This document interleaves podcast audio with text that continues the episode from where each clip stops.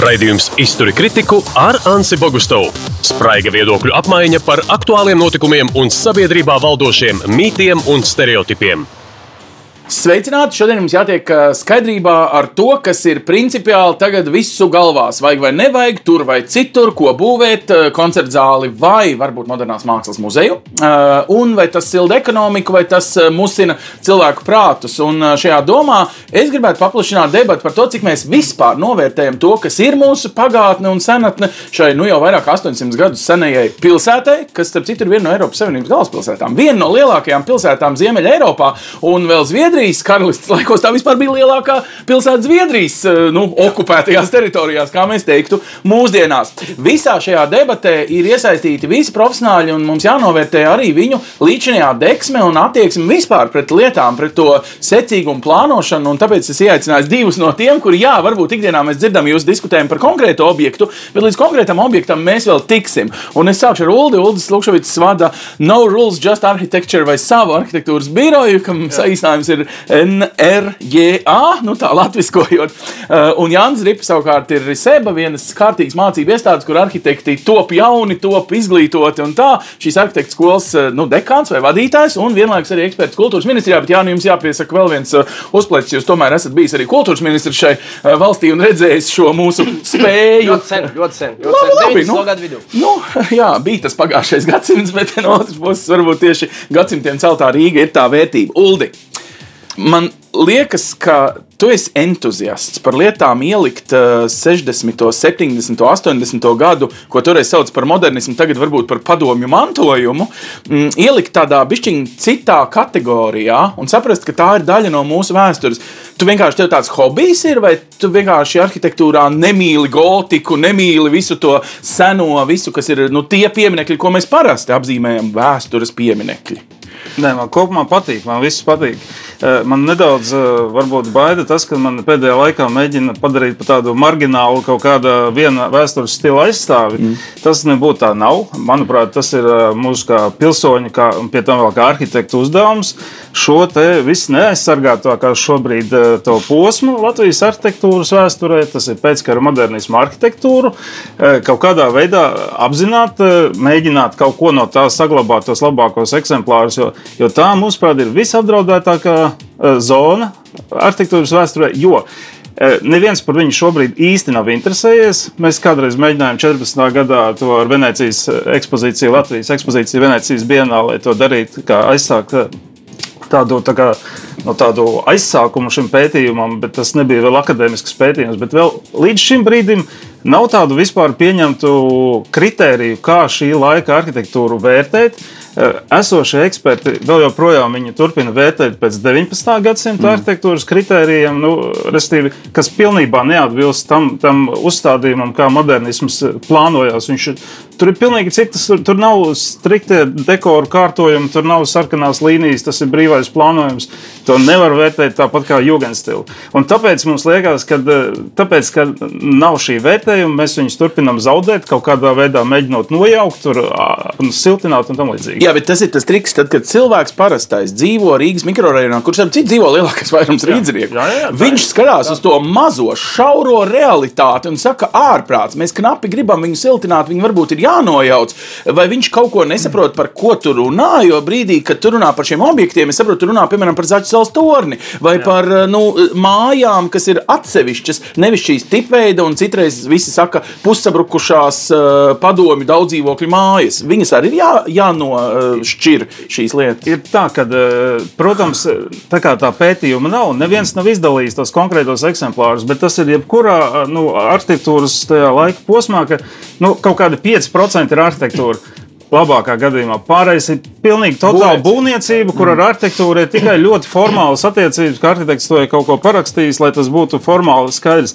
Arhitektūra ir labākā gadījumā 5%, un tos 5% mums ir jāmēģina nepazaudēt. Tā, tā ir tā, tā galvenā sāls. Liela daļa no šīs dienas sabiedrības, kas pelna naudu, varbūt drīzies pensijā, bet, nu, principā ir sociāli aktīvi. Padomju Savienība piedzīvoja, kā daļēji laimīgu bērnību, un varbūt kaut kādus jaunības un, un pirmos profesionālos soļus, kā gadus. Kad teorētiski mēs visi dzīvojam nu, tādās kantainās schēmās, varbūt mēs to arhitektūru gribam personificēt un norakstīt kā kaut kādu senatni, kas ir mūsu, es nezinu, vēsturiski ne tie labākie gadi, un ka viss, kas ir nākotnē, būs uh, labāk. Nu, cikot, kā lai saliekt tādā vērtību sistēmā? Es piekrītu, ka grūti ir vērtēt kā vērtību nesenu pagātni. Jo viņi tā kā nav vēl izvērtēti. Tur Ulim taisnība mums nav vēl tādas ideālas schēmas, kā ar modernismu arhitektūru tik galā.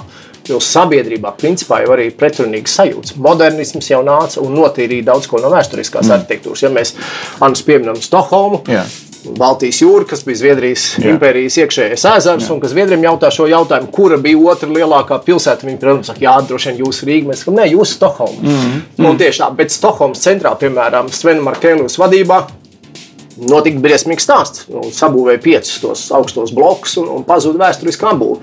Pirmajā brīdī likās, ah, kā Zviedri var. 60. un 70. gadu mītne, citas valsts nebija tik spēcīgas. Tā kā pret modernismu droši vien tā plašākā sabiedrība nosacīta ir arī kaut kāda nu, tāda greizsirdība, jo modernisms ir drusku izreikinājies ar vēsturi dažās vietās, nevienmēr. Bet skaidrs, ka tā ir absolūta vērtība un par to jādomā. Protams, tur jāšķiro publisks un, un būvis, kas ir teiksim, sabiedrībai slēgtas. Tas, ko mēs runājam par dzīvojamo fondu, un tie 47% cilvēku Rīgā dzīvo šajos rajonos. Kādreiz mūsu kolēģis Ārons Betskis, Venecijas Bienālas kurators, teica, tās ir kapenes. Un neviens negrib kapenēs dzīvot. Un, protams, tur ir vienkārši nekvalitatīva daļa. 72. gadā, kad Sentlūisā Misūri štatā uzspridzināja pirmos šos modernismu blokus, tad postmodernisma apoloģēts Čārls Ženks teica, moderna arhitektūra mirusi. Protams, ka nav mirusi. Gunārs Birkerts pārliecināts modernisms, vēl daudz citu.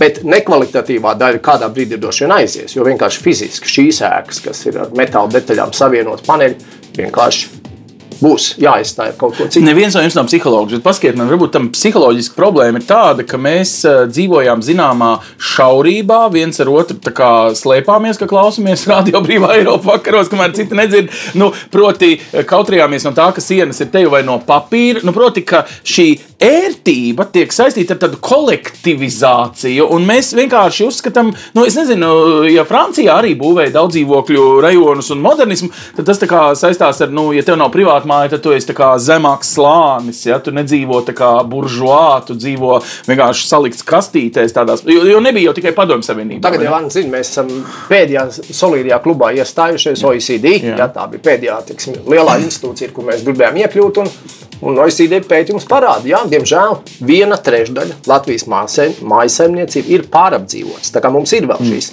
Ja mēs skatāmies vidē Eiropā, labajās valstīs viens cilvēks aptuveni patērē 40 kvadrātmetrus. Mm. Latvijā tas rādītājs ir bijis virs 20. Mm. Noscīt mēs varētu dzīvot divreiz plašāk, labāk. Bet iestājās arī otrs, un es domāju, ka Ulu paudze, tas tomēr ir vien, viens mm. paudzes nobīde un tā. Domā mazliet zaļāk un ekoloģiskāk nu, nav nepieciešams cilvēkam šis lielais plašums. Nav jābrauc visur ar savu personīgo auto. Un, man liekas, mēs nonāksim pie taupīgākas, kompaktākas dzīves. Labi, lai OECD mums saka, ka viena trešdaļa mājsaimniecība pārapdzīvot tā kā mēs dzīvosim, man liekas, ekoloģiskāk. Mēs, es ceru, ka mēs dzīvosim tā. Labi, nu tagad tie lielie dzīvokļi bija modē pirms kara laikā, tad mēs dzīvojam mazos dzīvokļos, bet tad mums bija šīs sabiedriskās mājas, par ko tu vairāk runā, vai ne par to, ka nevis par daudz dzīvokļu mājām, tagad nodalām šo, nu, tos objektus. Nu, izstāst man lūdzu, nu, piemēram, tā pati OECD māja Parīzē, starp citu, ir it kā iemesls, nu, kā tāds maza pārzīmēta ideja uh, arī mūsu centrālajai komitejas mājai. Starp citu, arī Briseles uh, eirokrātu galvenā pilsēta uh, arī ir faktiski tā stila četras, māja. Nu, tagad, ta, ta, ta, tagad, tagad atverās, tagad, tagad es turos, es pieturos. es kategoriski nepiekrītu mūsu profesionālajiem nu, akadēmiķiem Krastiņa kungam, kur es ļoti cienu un par to nevājošu attieksmi pret šo te Elizabetes divu ēku, kas it kā ir kopija tikai tam uh, Marsela Breira 58. gada UNESCO ēkai Parīzē. Mūsuprāt, tas ir uh, mūsu latviešu arhitektu Vilciņš, Udris, mm -hmm. Asaris, Staņislavskis 74. gadā. Viņi izdarīja, uh, nu, principā neizdaramo, viņi, viņi spēja būt uz tā viena viļņa, tie 50. gadu beigas, 70. gadu sākums, tas bija tas moder, vēl, vēlīnā modernismu tāds riktīgais uzplaukuma laiks visā pasaulē. Mm -hmm. Un viņi trāpīja uz tā viļņa. Viņi, viņi, protams, ietekmējās, viņi, protams, bija redzējuši, bet viņi domāja tajās pašās kategorijās. Viņi varēja ši, šajā absolūtajā uh, vakumā informācijas dabūt, dabūt tās idejas šeit, un pie tam vēl tādai, tādai iestādē, kura bija nu, pret šo visu ideoloģiju, bija diezgan konkrēti pret. À, tev liekas, ka viņi uztaisīja tādu kā viltīgu āķi, ka veči jūs dzīvosiet it kā rietuma Eiropas piemineklim līdzīgā mājā. Bet patiesībā sludināsiet visu pret rietumiem. Nu, nu, tādā ziņā tā bija tā pretdarbība no arhitekta viedokļa. Tas ir lielā mērā varbūt pieņēmums un, un teiksim, atstās no piemēram vilciņa ģimenes, bet nu, tas, manuprāt, ir, ir viņu to arhitektu tā brīža zināms varoņdarbs, ko viņi paveica. Jo, jo to izdarīt nekādā veidā eh, nebija viegli, un man liekas, mums ar to ir jālepojas. Un tas ir viens no iemesliem, kāpēc, kāpēc šī ēka, ka viņa ir tāds mūsdienu eh, Latvijas pēckara modernisma arhitektūras bet, simbols. Bet mēs varam pateikt, viņi ir nobīdījusies pa desmit gadiem, jo 16, tā UNESCO 16, pa 16. Jā, klau, klau, es, nu? tad es tev turpinu tālāk. Tad ir 58. gadā Marsels Brejers un eh, Eiropas komisijas ēka, ko, ko, jā. ko franču arhitekti, beļģi arhitekti zīmēja. Viņi zīmēja jau ar 11 gadu nobīdi. Viņi, viņi deklarēja to, ka viņi, protams, ir ietekmējušies no Breira. Viņi viņu dievina. Tā ir izcila. Viņš bija tā laikmeta tāds prometējs. Nu, viņš rādīja viens, savādākumu. Viens no, bet mm. tas bija tas laiks, kad tās, kad tās arhitektūras idejas viņas neviens neslēpa, neuzurpēja sev. Viņas bija atklātas, viņas varēja šērot, un, un tur ir tas, tas modernisms, tas uh, košums un, un superīgums. Nu, un saki, lūdzu, iedod man uh, vienkārši, lai es varētu sajust vēl kādus pāris objektus objektus Rīgā, ko es līdzīgi varu sajust, ka tas ir mantojums, ko es vienkārši ar šīs dienas acīm un savām bērnības traumām par Padomju Savienību vienkārši nespēju sagremot atsevišķi kā tikai nu, noscīti. Nu, tā varētu piekrist. Daži cilvēki vienkārši par daudz komunismu ierauga tajā tikai betona konstrukcijā. Jā, nu, tur to komunismu atkal ir eh, cita lieta. Eh, tā, tas politiskā ideoloģija bija tāda, un tā valdošā partija bija tāda, kāda viņa bija. Tad Protams. okupācija viss pārējais.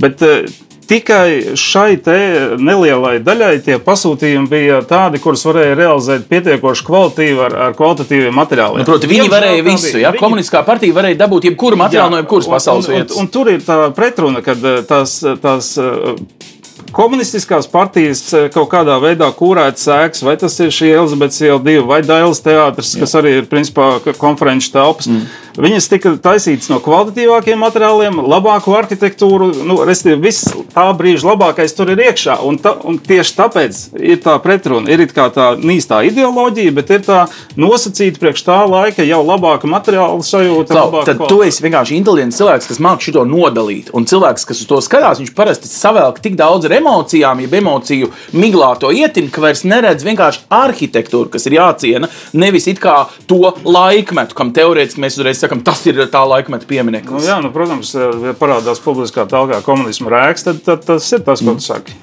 Nu, bet tā tad, lūdzu, lai nebūtu pārpratumu, tu nesaki, ka Leņķina piemineklim bija jāpaliek brīvības, pie, brīvības ielā vai kaut kas cits. Tā, vai ne? Tur, tur ir jā, jā, labi. Nu, Jāni, kā mēs es vispār. Domāju, ka inteliģenti cilvēki šīs lietas nodala. Ants, paldies labi. par to jautājumu. Protams, ka mēs ar Uldi normāli pastrīdēsimies. Mm. Uldi saka, jā. Kungi domāja 16 gadus vēlāk, tajās pašās kategorijās, tiem šiem principiem. Es tomēr teiktu, 16 gadu nobīdi vajag ievērot. Atcerēsimies, ka padomu valstī tas bija laiks, ka mums visi žiguļi tapu kā Fiat. Jā. Mēs mierīgi kopējām. Un lielās mašīnas mēs pie partijas pie, ar čaikām brauc kā Chevrolet. Nu, ja? nu, tās bija kopijas. Un šī gadījumā arī, nu, zinām, ļoti labi. Autori forši godprātīgi izdarīja to savu darbu. Bet bija viņiem iespēja tam pašam vilcienam aizbraukt uz to Parīzi. Tas bija viņa pasūtītāja uzdevums apskatīt šo ēku un radīt ēku Rīgā šādu. Tad mēs pat varam teikt, ka tā komunistiskā partija gandrīz tā kā gribēja līdzināties Jā, kaut kādai rietumu. Elegantu tā laika domāšanu pārnest šeit uz šo. Un to autori godprātīgi izdarīja. Un, protams, ir jāskatās absolūti bez ideoloģijas šo ēku. Tas, ko mēs vērtējam, protams, kā augstu. Un viena mums izcila ikona ir tas ir Dailas teātris, tā ir sēnīte, ko īpašnieki nespēja uzturēt. Teiksim, tā ir dārziņa skola, tur mm -hmm. Kamenīs ar kolēģiem to darīs. Tas ir ģēlža, manuprāt, arī uh, pārdaugavs, teiksim, administratīvais birojs. Respektīvi, mums ir mūsu arhitekti tā laika domāšanā, ir veidojuši daudz darbus. Un, un droši vien, ka mēs pret viņiem attur, attieksimies ar pienākošos cieņu. Tas jautājums, par ko mēs arī ar Rūdu strīdamies, un tā, ka šī ir projektēta kā slēgta tipa ēka, kā biroja ēka. Mm -hmm. Un no plānošanas viedokļa absolūti greizā vietā. Viņi to varēja atļauties. Un tā ir tā lielā problēma šodien, vai mēs. Kad domājam par upuru, un jebkurā gadījumā tas būs upuris, ja mēs iesim, piemēram, ar koncertu zāles būvniecību šeit, un starp citu, jautājums par jaukšanu ir pats pēdējais. Mm.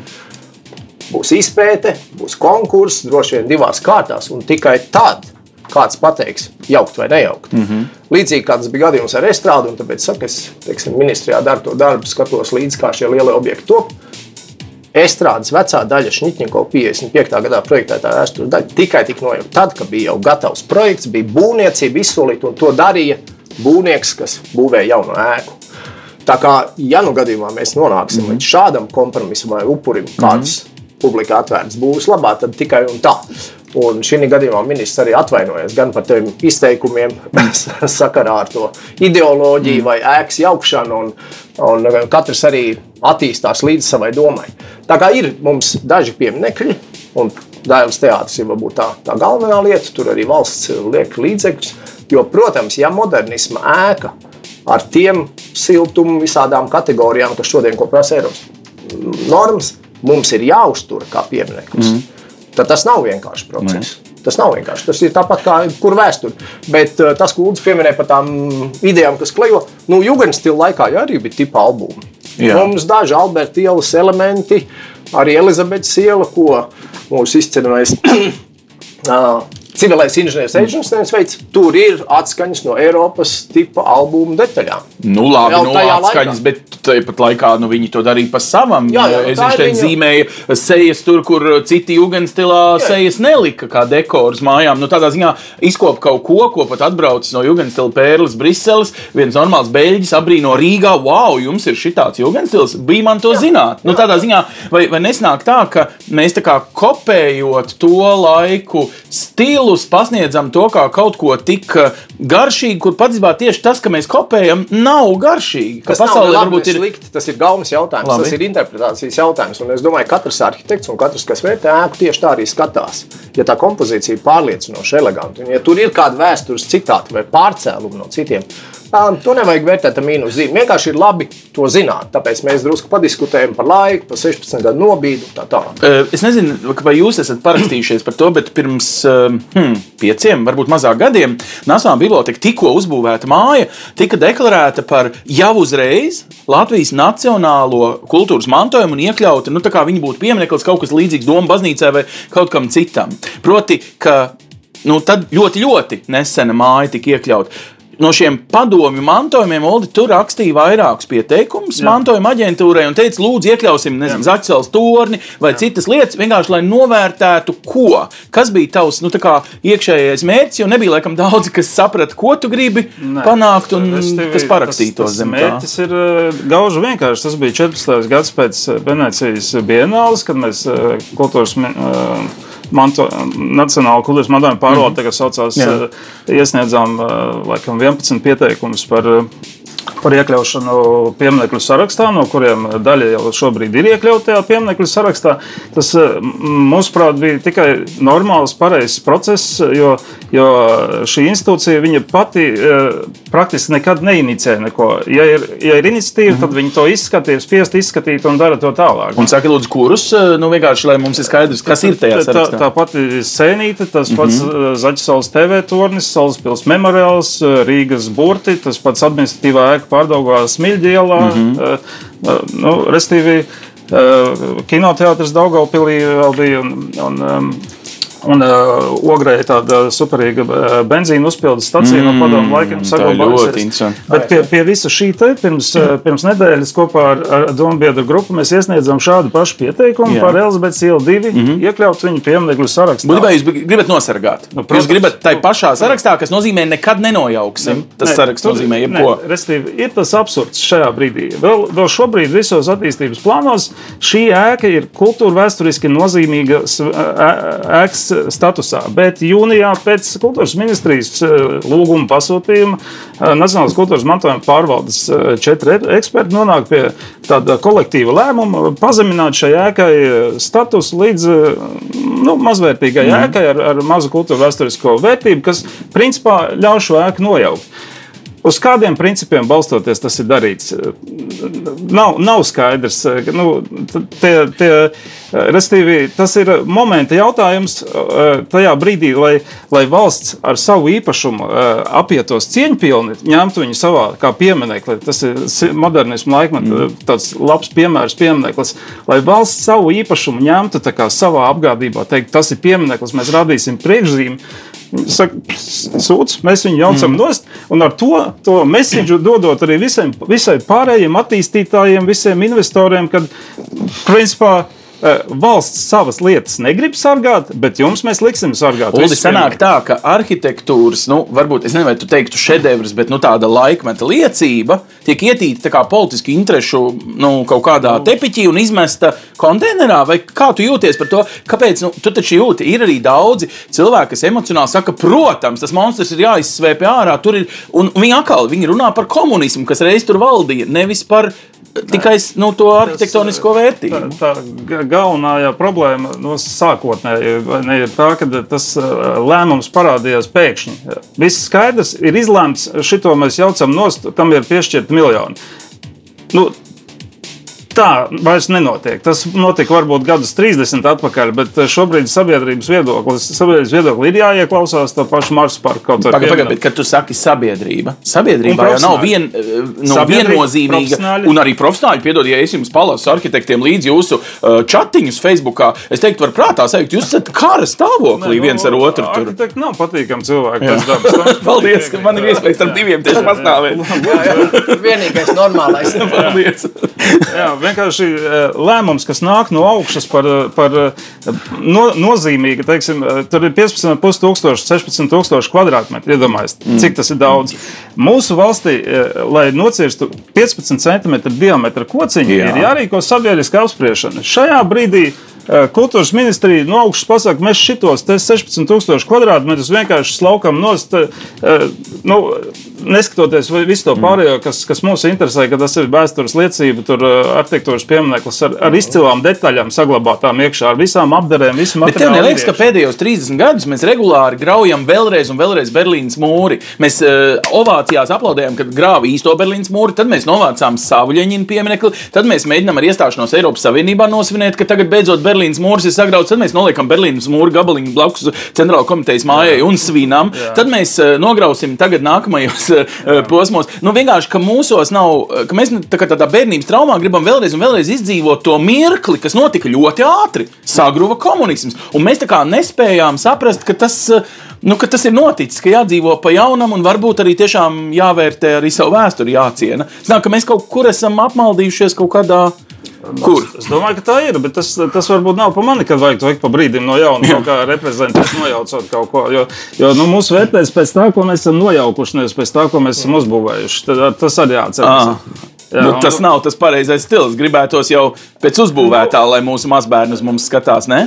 Tas ir ļoti diskutabli, jo mēs varam lielākās auzās iebraukt vienkārši jaucot, eh, nekā, nekā būvējot kaut kādu apšaubāmas kvalitātes eh, vietā. Eh, Labi, nu, bet paņemam šo līniju vienkārši, lai mēs, saprastu, ko mēs, mēs būvējam un ko mēs jaucam. Nacionālā biblioteka nāca tik grūti. Man liekas, ka pusi no jūsu pirmajiem matiem, Jāni, ir dēļ tās Nacionālās bibliotekas vispār, lai, lai cilvēks saprastu, kāpēc mums to vajag. Tagad taču pa ielu neviens vairs neiet, kas saka, ka mums to nevajag. Tos nopelnus pierakstiet Andrim Vilkam. Labi. Divi cilvēki konsekventi ticēja, ka biblioteka būs. Andris Vilks un Gunārs Birkerts. Super. Es drusku viņus atbalstīju, un man par to ir zināms gandarījums. Jo, ja mēs runājam par modernismu, tad šis ir modernismu piemineklis. Gunārs Birkerts visā pasaulē pazīst kā ekspresīvu modernistu. Mm. Tad, kad viņš aizgāja, tad New York Times publicēja, mūs ir pametis viens no pēckara lielākajiem Amerikas modernistiem. Un, uh, atgriežoties pie Ulu teiktā, mēs Ulu arī cienām par to profesionālo lokā, ka viņš konsekventi mm. aizstāvēja šo virzienu. Mm. Jā, nebūtu teiksim, iestāšanās, iespējams, ka mums nebūtu šodien zemkopības ministrijas ēkas. Toties būtu ļoti tīrs, priekš pieminekļiem, ļoti saprotams Rīgas siluets. Un vienmēr jādomā, kas tā lielākā vērtība. Un daudz varbūt pēc šī teiks, oh, būtu labs, tīrs Rīgas siluets. Un, teiksim, Ulu paudzes teiks, bet tur ir visi mūsu vēstures periodi. Tas arī ir mūsu mantojums. Mm -hmm. Mēs vienlaikus esam domājuši tā, bija baznīca, skaisti viss, un padomu laikā piebūvējām klāt. Un mēs no tāda psiholoģiski emocionāla skatījuma varam pāriet arī uz ekonomiski pragmatisku skatījumu. Un Lūdzu, man droši vien piekritīs, vienmēr, kad kāda ēka, kurai arhitekts ķerās klāt ar projektēšanu, ir ar kaut kādu vēstures vērtību, jeb ir vērtēta kā kultūra vēsturiski nozīmīga, Gan arī 90% arhi gadījumu arhitekti nāk, vajag pārbūvēt, klients jautā to un vēršās pie Nacionālās kultūras mantojuma pārvaldes. Ah, lūdzu, vai jūs nevarat pārvērtēt šo ēku? Nu, ne visos gadījumos. Tā kā samazināt statusu. Piemēram, mm -hmm. jo parasti klientam ir savas vērtības, arhitektam ir savas ambīcijas. Mm -hmm. Šis gadījums ir to, ka tieši tāpat kā savveid pasūtītais kultūras ministrija teikusi, ah, ja mums šī vieta interesē, tad lūdzu pārvērtēt, vai tas tiešām šodien tā ir, jo tā vērtēšana mm -hmm. notiks agrāk. Tā ēka ir zināma nolietojuma, ekonomikas ministrija tur negrib iet. Nekustamie īpašumi saka, mums tur jāinvestē milzīga nauda. No nākošā gada 1. janvāra mums ugunsdzēsēji aizlieguši to ir eksploatēt. Mēs viņu vairs nevaram izīrēt. Šādos gadījumos, līdzīgi kā arhitekts ar klientu iet, šoreiz to darīja nekustamie īpašumi kopā ar kultūras ministriju. Teica, pārvērtējiet. Un to darīja. Nu, Vienmēr mēs teiksim, arhitekti, un Mans pareizi teica, mēs smuki strīdamies publiskā telpā ka ne tie kriteriji, ka ne tie vērtētāji, bet nu, divi Zinātņu akadēmijas akadēmiķi un vēl divi kolēģi vērtēja. Nu, viņu vērtējums ir šāds. Taga, bet doma tāda, to, to, ko mūsu sauksim viņu vectēvi vai tēvi uzbūvē, mēs varam atrast jaunu saturu, nevis obligāti jauku nost, ja viņa vēl ir funkcionēt spējīga celtne. Un es nerunāju tikai par cekas māju, es domāju, nu, spīķeru koncertu zāli. Agrāk es atvainojos, tur visdrīzāk vecas zeķes pūva, vai nu, kas nebūtu bija vajadzīgs tiešām nolikt tavas vajadzībām ostai, nekas vairāk.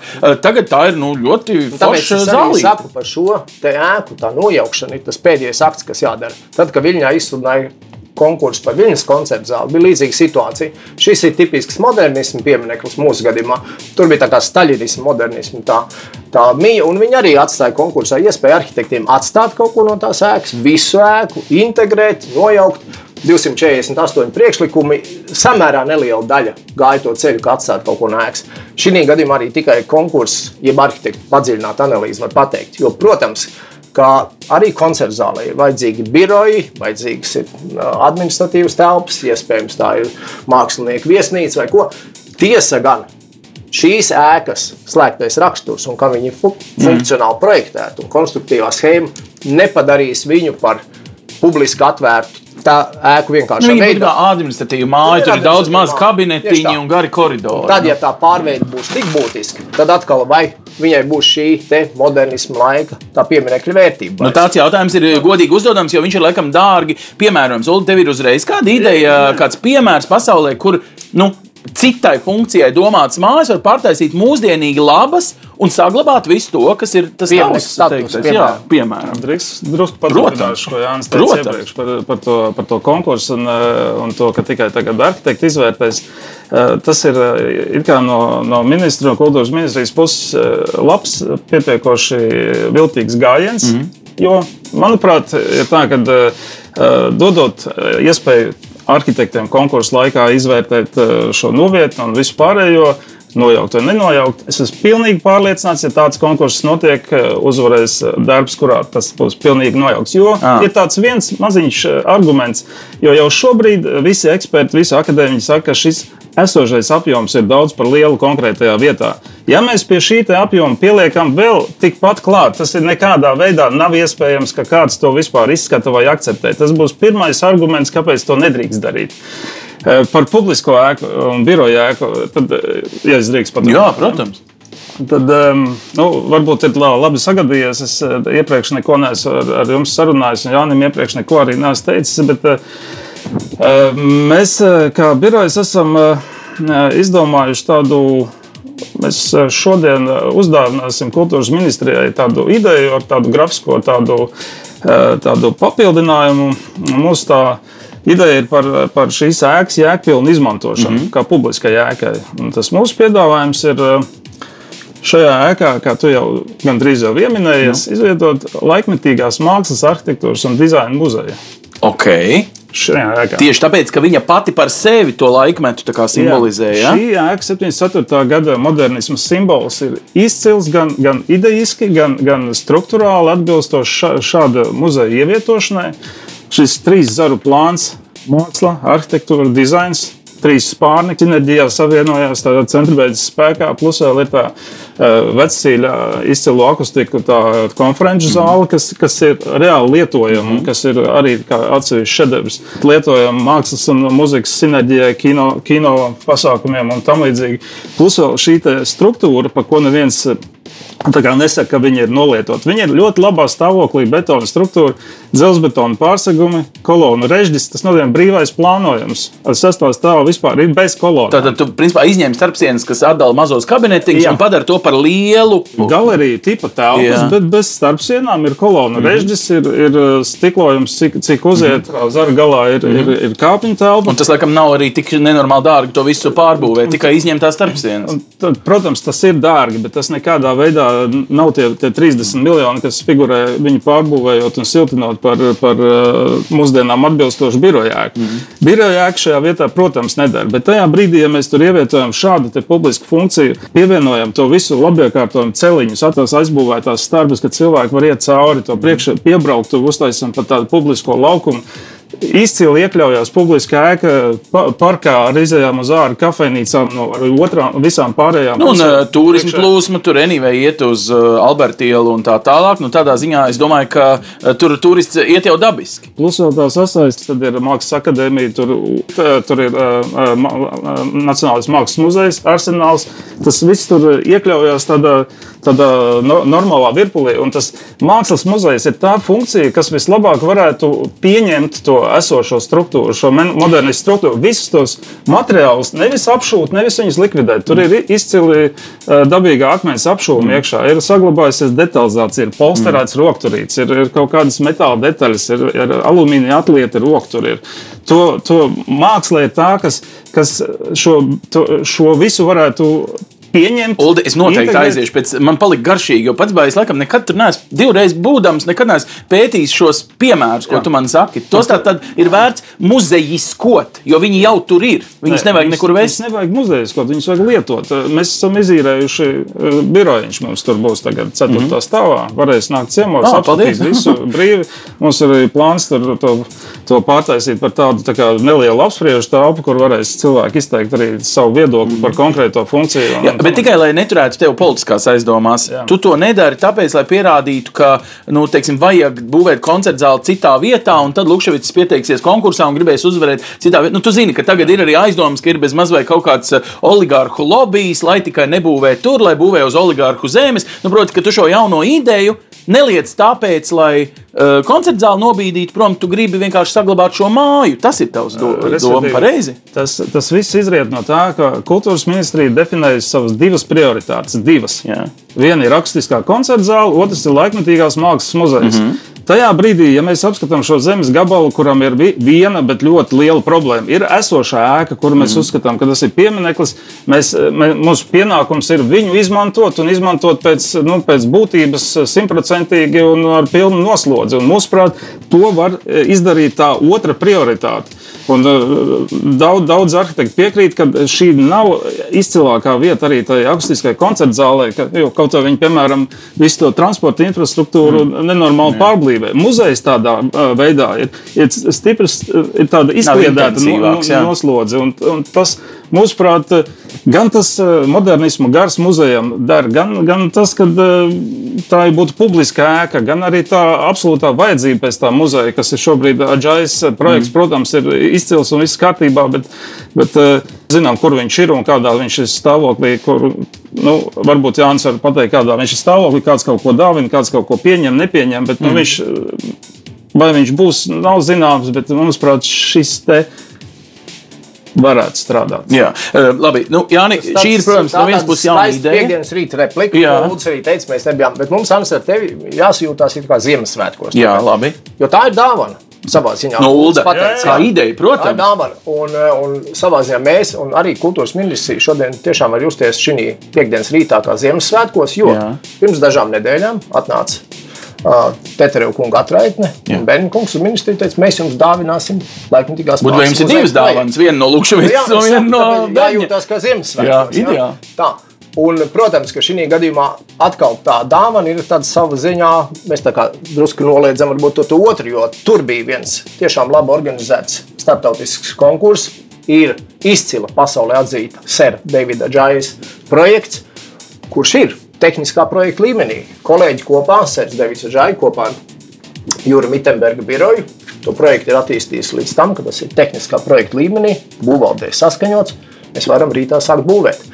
Tā kā nu, te būs tāda divas dāvanas, kas varbūt viena Klau, otru bet abas mēs nevaram šobrīd pacelt pareizi. Nu, Nu, no valsts dro- budžeta viedokļa mums, principā, ja es pareizi saprotu, mums vajag ātri sildīt ekonomiku. Un Bet tas ir tas, ko mēs varam vērtēt. Nu, tās ir sarunas, ko mēs arī tagad eh, domājam darīt. Un pat labi, ir procesā tāda sava veida darba grupa, kas visus šos viedokļus izvērtētu, liktu kopā un vērtētu, vai tā Elizabetes ielas novietne ir tik laba, kā mēs viņu kā sabiedrībai proponējam no ministrijas puses.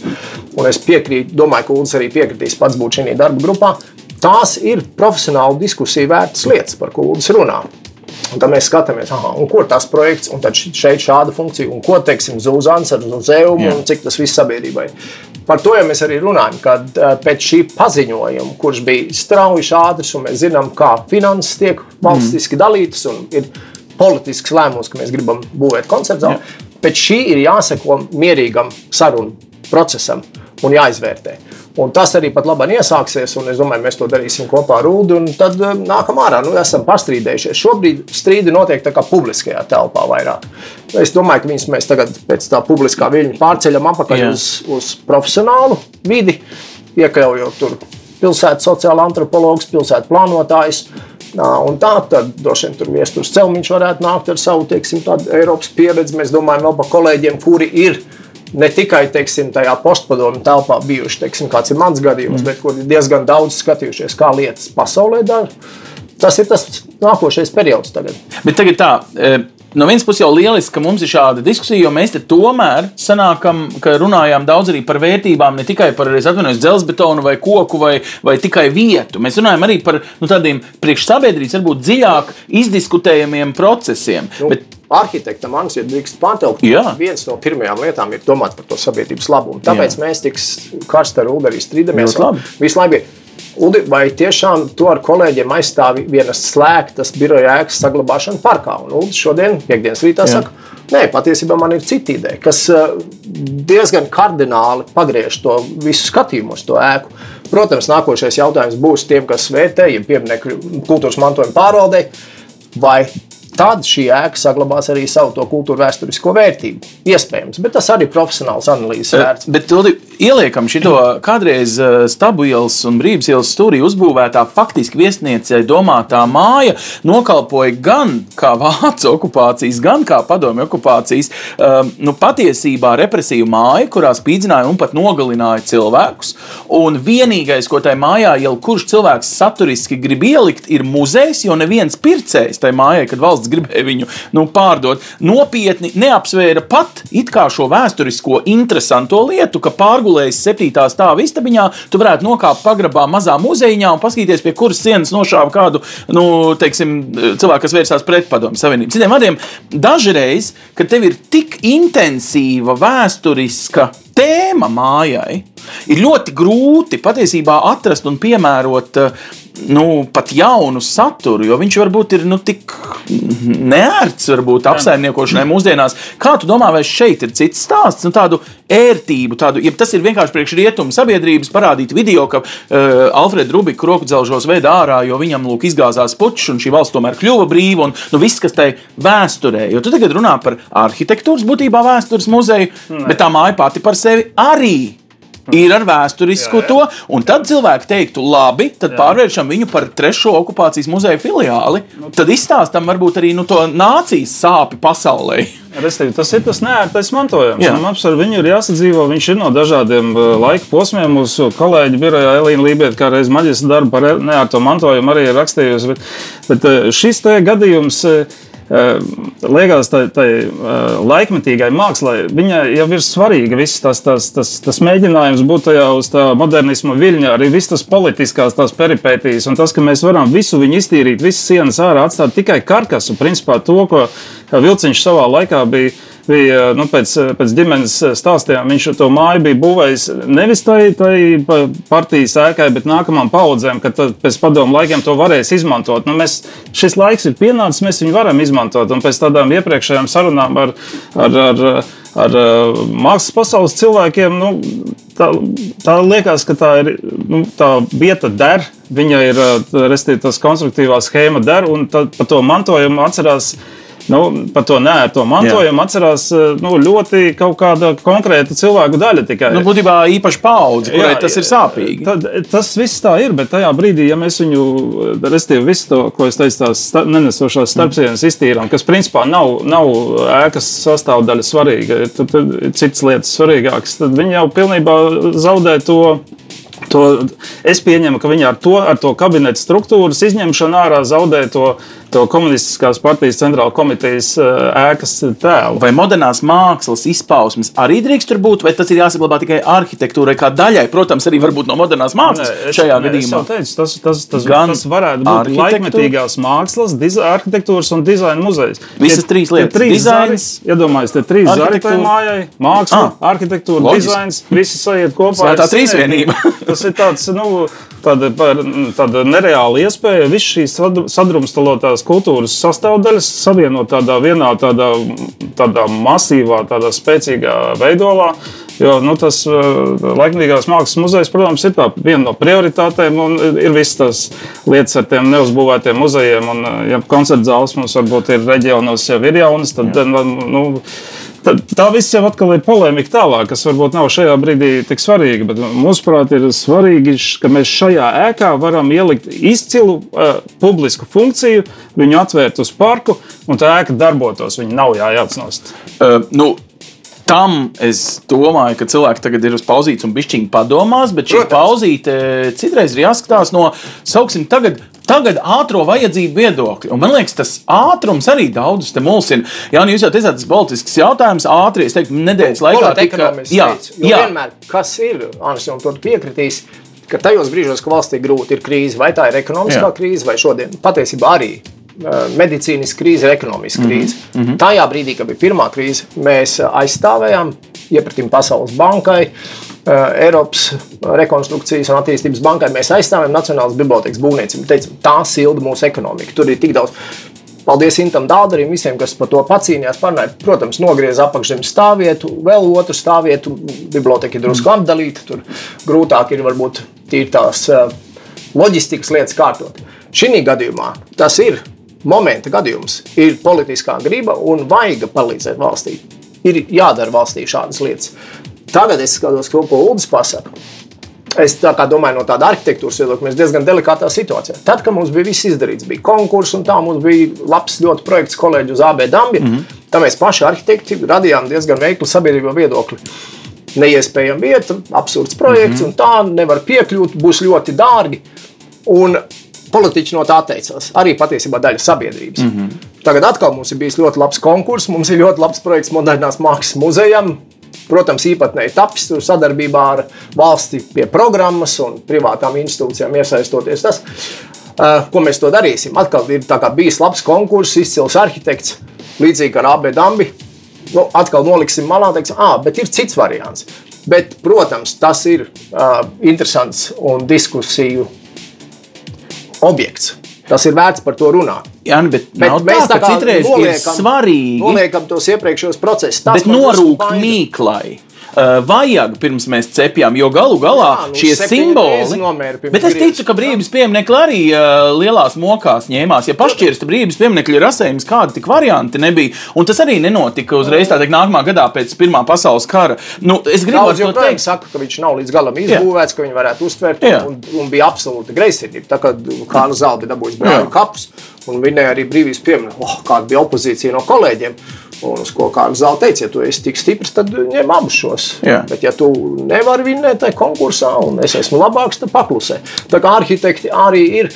Um, nu, arī drusku viņam jābūt egoistiem savā Jā. ziņā par savām idejām, pastāvēt, jo citādi tas vienkārši neies cauri. Ir arī savā nu, jāizmanto tāda pozitīva profesionāla demagoģija, lai pārliecinātu par savu ideju sabiedrību. Šī gadījumā man uzmanīgi dara, teiksim, saka, oh, tā ir pilnīgi jauna ideja, mēs varam to un to izdarīt. Es skaidrs, es atceros, kā mēs saka, vienu labu konkursu rezultātu jau paši palīdzējām.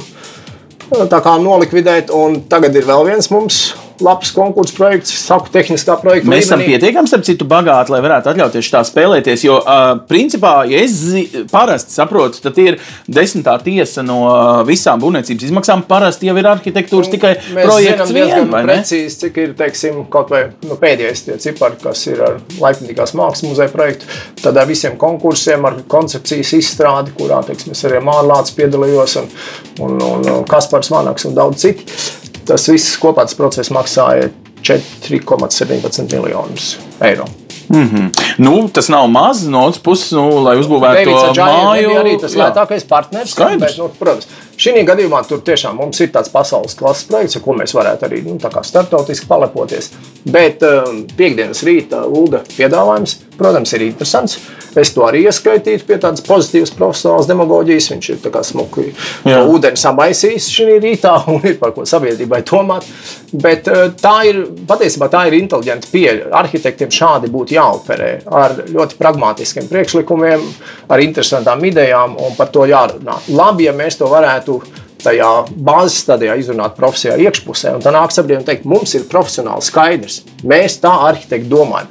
Nu, tā mums pēdējos 16 gadus nav izdevies. Un par to mums kā, domāju, jāatvainojās ir sabiedrībai. Jā. Mēs esam diezgan ūdeni duļķojuši. Un, kā Uts teica, mēs esam traka profesija, bet arī ļoti atbildīgi. Tāda, nu, un, Nu, labi, bet jūs jau gribat kaut ko izveidot. Abos gadījumos patiesībā ir sasniegt kaut ko, kas piesaista cilvēkus uh, pirmkārt kultūrai, otrkārt pasaules Mm. kaut kāda mantojuma un ieliek arī. Un lūdzu, ielieciet man šo kontekstu. Es mēģinu domāt, uh, mēs kautrējamies, citreiz pat dusmojamies uz to savu vēsturisko mantojumu, bet pasaulē šis ir fantastisks uh, mušpapīrs. Cilvēki, kas ieceļo pirmo reizi bijušās padomju savienības telpā, pirmais, kur viņi iet, ir okupācijas muzejs. Viņi grib saprast to, vienkārši redzēt. Viņi grib redzēt kaut kādu vecu leņķinu pieminekli kaut kur stūrī, nevis brīvības ielā noliktu, uh, bet, bet saprast, nu, kādā pozā tad viņi tur visi uz tiem ielas stūriem stāvēja. Uh, Var cikot, Nu, vienu brīdi tas būs, protams, es domāju, vēl kāds pārdesmit gadus tas būs ļoti interesanti. Tad nāks atkal cita paudze, un varbūt neliksies šī. Tas viens, ko mēs, protams, šorīt nerunājam, pie visām interesantām idejām, ko darīt Kronvalda parkā ar šo ēku, kas ir tiešām foršas idejas. Tā viena neatbildētais jautājums mums paliek. Nu, tad, kur mēs to koncertu zāli varam Jā, uzcelt? Ja mēs šīs diskusijas rezultātā būtu pārliecinājuši politiķus, oh, ejam atpakaļ uz abiem dāmas, galu galā mums tur nekas nav jādara. Konkurss bija un, un, un gal galā ir arī jau uzrakstīts projekts. Jā, tieši tā. Uh, Es savā ziņā teiktu, forši apsveicam ar politisko lēmumu. Drusku ir cita situācija. Ir šis viens lēmums, ar to valdībai jātiek galā, un viņi bija pārliecināti tajā brīdī, kad viņi pieņem šo lēmumu. Ah, tur viss pieder valstī. Jā, Rīgā pašlaik ir vārds tāds mm. kā vakums, jā, AB dāmas, mm. un arī tur bija arhitekta opozīcija, un sabiedrība tam nenoticēja. Valdība domāja, ka viņi iet to diezgan drošu ceļu. Ja mēs strīpojam vienu, otru un trešo, tad jautājums, protams, paliek atklāts, un tam mums tagad muziķi zvanīs pēc šī un teiks, nu labi, forši, baigi paklausījāmies, jūs arhitekts jums sakal pilnu galvu idejām, bet tas nozīmē, ka nu, tuvākos 20 gados mums tā koncerta zāle nespīd. Nu, bet varbūt ne uz visu vajag uzreiz apvainoties. Nu, Nu, tādā ziņā citreiz tas noved pie abiem labiem risinājumiem, nevis pie viena laba un Jā, otra tā mūzikas nekāda. kultūra ir drusku pat varbūt augstākā līmenī nekā Jā, arhitektūras kultūra. Mums, jā, mēs esam tādi, mums tā metropolitāna operātora solisti ir vairāk jā. kā lielvalstī. Jā. Tur mums ir tā nākoša atbildība. Viens, aha, saglabājam šo ēku, piedāvājam interesantu funkciju. Nākošais jautājums. Nu, tad, kur ir mūsu racionālais piedāvājums koncertu zālē? Tāds, ko tiešām var nevis tikai tā. Mēs parasti diskusijas beigās pasakām, o, tur var būt simtiem funkciju. Paldies, Ulim, viņš pasaka konkrēti. Un ir tik daudz vietas Rīgā, kur būvēt koncertu zāli. Bet neviens nesaka parasti konkrētu vietu. Jeb saka nereāls mm. konkrēts vietas. Tas ir tas jautājums. Jā, jā. Nu, Uldi, neuzraujamies uz zemūdens akmeņiem, jo tu negribi uh, nu, izčakarēt koncertu zāli. Pareizi es tevi saprotu. Protams, ka nē, vienkārši tā, tas pas, pašā saknē kultūras ministrija aizmirsa to, ka viņi atbild arī par arhitektūru. Arhitektūra ir kultūras sastāvdaļa, un uh, tā nav tukša vieta, diemžēl, priekš koncerta zāles. Ja viņa būtu tukša vieta, neviens vispār nediskutētu, visi būtu par un pierakstītos jau konkursā kā dalībnieki. Mēs, mēs arī, protams, jā. Nu jā, loģiski. Bet tā vieta ir aizņemta, diemžēl, un aizņemta tieši šo ēku, kas mums, prāt, liekas izcila. Uh, Par to um, par to dārgumu. Nu, vai mēs esam atkal tik bagāti, lai nojauktu šos 16,000 kvadrātmetrus, kas ir konstruktīva, noturīga, laba uh, ēka? Arī jautājums. Monolīts betons, Jā, par, vai ne? Tādā ziņā, uj, uj. Par to, par to arhitektu ego arī Jānis pieminēja. Nu, es kā, mēģinu kā, to pozicionēt šajā brīdī tā, ka šis piedāvājums nekādā veidā nav saistīts ar ego, jo, jo mēs nepiedāvājam jaunu māju būvēt. Tā funkcija vienkārši esošajā mājā ir ietilpināma. Tas jau būtu Tālāk, profesionāļu, kuratoru, vispārējo speciālistu tāds, teiksim, kopdarbs, kā, kā, kā to izdarīt. Tas mūsu, mūsu pienesums ir, ka saprast, ka, ka to tur var izdarīt konstruktīvi, ideoloģiski, pilsētbūvnieciski, tas tur der. Ta, tas šobrīd ir tas, ko mēs esam pateikuši. Nevis tas, ka mēs tur gribam uzprojektēt kaut kādu muzeju. Viņš tur ir vienkārši. Tad. Tu pats uh, tici, ka um, te ir kaut kāda nevajadzīga ātruma sastāvdaļa. No sākuma mēs sakām, mēs tik lēnīgi 20 gadus diskutējam par kaut ko un nevaram nolemt, un tagad pāris nedēļās mēs mēģinām nolemt lietu, kuru mēs nu, nevarējām saņemties. Politiķi tur raksturo kā savu uh, iespēju sildīt ekonomiku, kā savu beidzot izlēmību, kā savu, bet varbūt viņi nesaprot, ka arhitektūras un sabiedrības interesu vārdā ir forši diskutēt līdz sāpēm un asinīm un tikt pie zelta vidusceļa. Protams, to arī kultūras ministrs ir atzinis, ka tā diskusija nu, bija iztrūkusi sākotnēji, un viņi ir vajadzīgi, un viņi tagad nu, tiek inicēti un viņi notiek. Protams, var arī saprast to ministru skaidrojumu par to saplēšanu, to Covid naudas ātrā mm. izdalīšanu, kad ja ne tad, tad, tad, tad nekad. nekad ja. Bet vai tas atkal ir arguments visā šajā ko, kopumā? Jo, jo nauda ir tikai nojaukšanai, teorētiski. Mēs varam nojaukt, un vienkārši mums nebūs šīs 16,000 kvadrātmetru, nebūs vēstures piemineklis. Nu, labi, būs parks, lielāks parks. Bet, uh, Bet, bet arī par to, ja vēl par parku, var, mm -hmm. to, tas viss tie argumenti par to iebūvēšanu parkā. Jā. Nu, tas ir zināmā lielā mērā, nu, ja drīkst teikt, bullshit. Mm -hmm. tur, tur bija plānota apbūve tajā vietā, tajā vietā, kad tur būvēja to ēku, tur bija stadions. Tur nebija neviena koka, tur bija uh, gluds laukums. Uh, Tur nebija parks, tas bija blakus parkam. Un uh, vilciņš, nu, paganu, bet, uh, vilciņš lielā mērā arī šo vietu no vairākām izvēlējās tikai tāpēc, lai nebūtu jāno, jānojauc vēsturiski apbūve. Bija piedāvājumi pie, pie, pie Rīdzenes, tur būtu pirmā gimnāzija jājauc. Un, un kur tur vēl bija, es neatceros. Bet šī vieta bija, kur nav jācer koki. Un uh, akadēmiķa krastiņa minētā, minētais termiņš, briselizācija, mm. ko viņš vienā mūsu apspriedē runāja, kad, kad vai es zinot, un es tajā brīdī nezināju, es izlasīju. Briselizācija ir to pašu Briseles, uh, to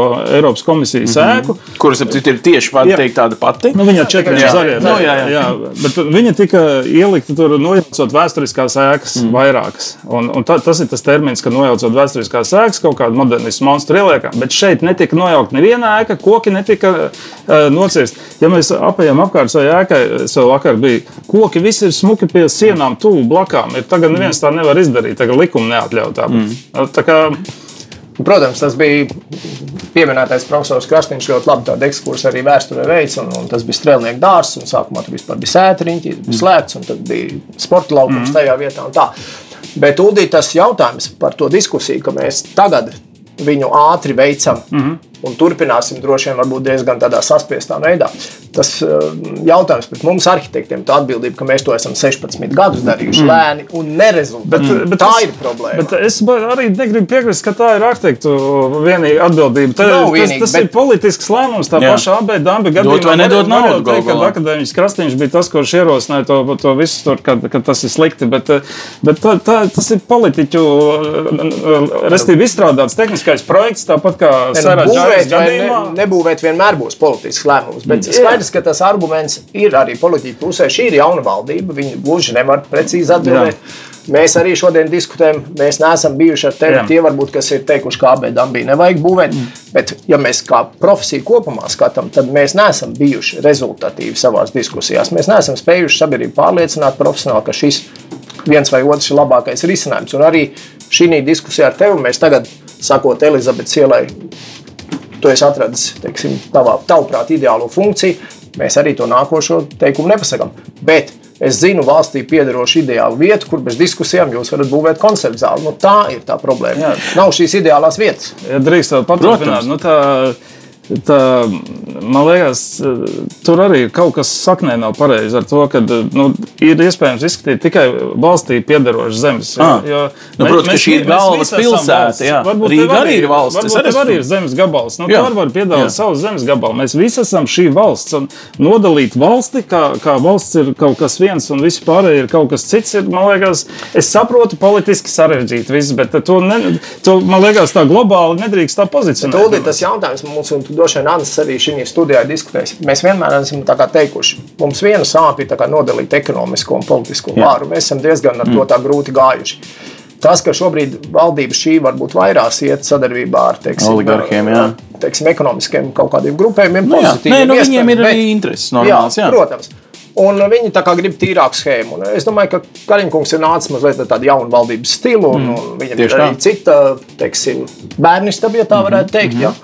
Un tur būtu grūti pārmest valdībai, ka viņš šī gadījumā grib iet tādu ļoti tīru, atklātu mm. schēmu, un šīs ekonomiskās un politiskās varas nodalījuma princips, protams, šeit ir eleganti Bet ievērots. ielieciet man, es nezinu, cik jums ir uh, doma par nu, vispār pilsētu plānošanu tādā, nu, ja brīvības iela ir ass manā galvaspilsētā, tad tās asas svarīga sastāvdaļa ir milda. Un mildai otrā pusē, nu jau Kaļķu ielai un uh, Akmens tiltam, ir Nacionāla biblioteka. Un es uh, zinu, ka ārzemniekiem pat vairāk nekā iekšzemē Latvijā mēs lietojam šo stāstu, ka pirmās valsts uh, neatkarības 20 gadē mēs uzbūvējām nu, brīvības pieminekli un stikla kalns kā iegūta, salcerīta, pamodināta. Ja?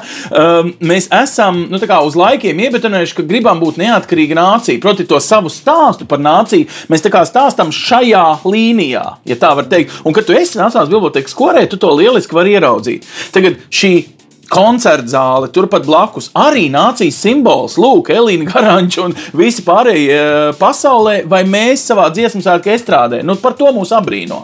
Vai šeit to koncerta zāli mums nevajag meklēt arī tādas vietas, kas jau pašas par sevi liek aizrauties elpai, līdzīgi kā cilvēks, kad brauc no lidostas, viņš eh, uz zvanšu tilta piedzīvo, wow, cik tā Rīga ir skaista! Tie izsaucieni katru reizi, pirmo reizi iebraukušam cilvēkam valstī, ir tādi manu sirdi ļoti Tur jau arī bija tas abēdams stāsts, ja mēs paklausāmies sīli, jo viņa ēka pietiekami inteliģenti iesaistos, kā saka, tajā padusē, netraucētu tam siluetam, un cilvēks ieraudzītu to, un tā Nacionāla biblioteka, un visi tur sanāktu kopā. Runājot par brīvības ielas asi, pilnīgi noteikti, visu vārdu maiņa, Jā, tā ir skaitā. Aleksandra Reņina, Hitlera un brīvības. Nu, tur viss ir, tur tā vēsture mums ir un loģiski. Tad, protams, mums paceļās jautājums, vai mēs šodien esam tik uh, nobriedusi nācija un tik inteliģenti, ka mēs varam meklēt šīs asas turpinājumā. Teiksim, koncerta zālē. Nu, jā, nu to nu, tāds. laikam, nu labi, jā. tur ir vēl cita Tad diskusija, mēs... un tur tajā šodien laikam Tieši neiesim. Jā. Tieši Vai vajag nojaukt citu pieminekli savukārt? Jā. Um, labi, nu, um, toreiz gan uh, Karlim Ulmanim arī bija viņa domas par to, bija, tur, kas tur jādara. Un, un, un, un, un, un varbūt laukuma vietā bija jau nākamais. Bet piekrītiet, ka pamati. Bet atkārtot Kārļa Ulmaņa vēsturiskos dažus uh, kļūdas, laikam mēs vairs nevaram atļauties vismaz nepalikt savās vietās. Tieši tā, es domāju, tur mums Ulds ļoti labi aprāda, ka jaukšana nav tas uh, princips un mm. tas, kā viņš iebūvēja, teiksim, finanses ministru 13. kvartālu. Tā jā. patiesībā bija tāds mērens barbarisms, pret vēsturisku labu, un es minēju to Stokholmas, piemēram, modernismu. Tā kā visi laiki ir grēkojuši. Šis jebkurā gadījumā, ko arī mēs ar Ulu šorīt izdiskutējam, ir liels kompromiss. Mm. Vienalga, kāds būs lēmums, tas būtu liels kompromiss šajā gadījumā. Un te mēs, protams, klausāmies muzeķos, un mēs klausāmies sabiedrībā, un paši sev uzdodam šo jautājumu. Tā kā tas nemaz nav vienkārši. Bet jautājums par ideālo vietu, ja ne šī un ja ne AB dambis, tomēr paliek atklāts arī pēc mūsu šīs piekdienas sarunas, lai gan mēs saņēmām dāvanas kā Ziemassvētkos. Jā, jūs tā jūtaties, un tas ir labi. Dažkārt ā, dāvanas vajag lēnām izpakot un, un domāt līdzi un, un būt ar pārsteigumu. Uldi, ā, tavs ideāls, kā tikai varbūt pilsonim, ja tu spēj sev nodalīt no savas profesijas, mm, kas būtu nu, tāds foršs process, ā, tavuprāt? Jo no vienas puses mums ir jātiek gan pie koncerta zāles, gan pie tava piedāvājuma salikt varbūt tiešām zem viena jumta moderno gan mākslu, gan arhitektūru, gan dizainu un citas lietas. Nu, kā mums nepalikt apnicīgiem šajā garumā, nogalinot sevi diskusijās, bet sasniegt eh, tādu pozitīvu rezultātu. Eh, Kas, tavuprāt, eh, ir jāmaina, nezinu, procesā kaut kas jāļauj džinam iziet no pudeles, nevis tikai ministru kabinetā nolemt un vēlāk informēt sabiedrību? Nu, tu pareizi atzīmēji. Tas man liekas, ir liel, lielākā nepareizība. Tas, ka tas tiek nolemts kaut kur ministrijas kabinetos un sabiedrība par to uzzina kā jau postfaktum. Mm. Tajā, piemēram, tajā pašā pieminētajā laikmatīgās mākslas muzeja gadījumā tur bija darba grupa, kas sastādīja tos principus, kā, pēc, pēc kādiem eh, jāvadās, lai, nu, lai šis muzejs būtu izcils tajā vietā. Tur bija konkrēti eh, tie principi bija definēti. Šeit tā nav. Šai vietai konkrētai nekā tam līdzīga nav. Tāpēc ir vajadzīga tā, tā ekspertu darba grupa, kas to visu varētu uh, definēt. Bet šobrīd jau ir tajā Nacionālā arhitektūras padomus pēdējā lēmumā, ir tas teksts, ir, ka šī vieta, jā, viņa, šī vieta ir piefiksēta, bet viņa ir ielikta kā līdzvērtīga visu, visā sev iepriekšējo vietu sarakstā, lai viņas izvērtētu. Nu, mums ir jā, jābūt tam, nu, tam, tam izvērtējumam, lai, lai, lai kāds varētu nonākt, ka šī vieta ir vispār derīga, ja ne vispār labākā. Labi, bet viņa lieliski pierāda, cik foršs spēks ir demokrātijā. Un es ceru, ka arī te demokrātijā šis raidījums ir devis uh, savu ārtavu, proti, izdiskutēt. Ir vienmēr labāk nekā kaut ko slēpt vai mērīt tikai vienas valdības ietvaros, bet tiešām sabiedrības. Galu galā gan koncerta zāle, gan piedāvātais muzejs, gan jā, arī politiski varbūt neērts uh, mantojums ir mūsu daļa no vēstures un savā ziņā arī nākotnes. Vai ne? Tā kā paldies arhitektiem, ka jūs būvējat mūsu nākotni un cienīsim arī pašu savu vēsturi, bet to varbūt kādā citā reizē ieliksim arī ar vēsturniekiem sarunā. Labs ir, liels paldies tiem, kuri mūs skatās, tiem, kuri mūs klausās. Paldies, ka sekojat arī mūsu podkāstu versijai un uh, patiesībā padalieties, ja jums liekas, ka šī debata ir uh, bijusi svarīga jūsu uh, kopējai izaugsmai. Uh, mēs te parasti mēģinām iesaistīt top ekspertus, lai tiktu skaidrībā ar lietām, kas lācīšiem vēdrā dažādās dzīves jomās šajā valstī un pasaulē. Uz redzīt! Paldies! Projektu finansē Mediju atbalsta fonds no Latvijas valsts budžeta līdzekļiem.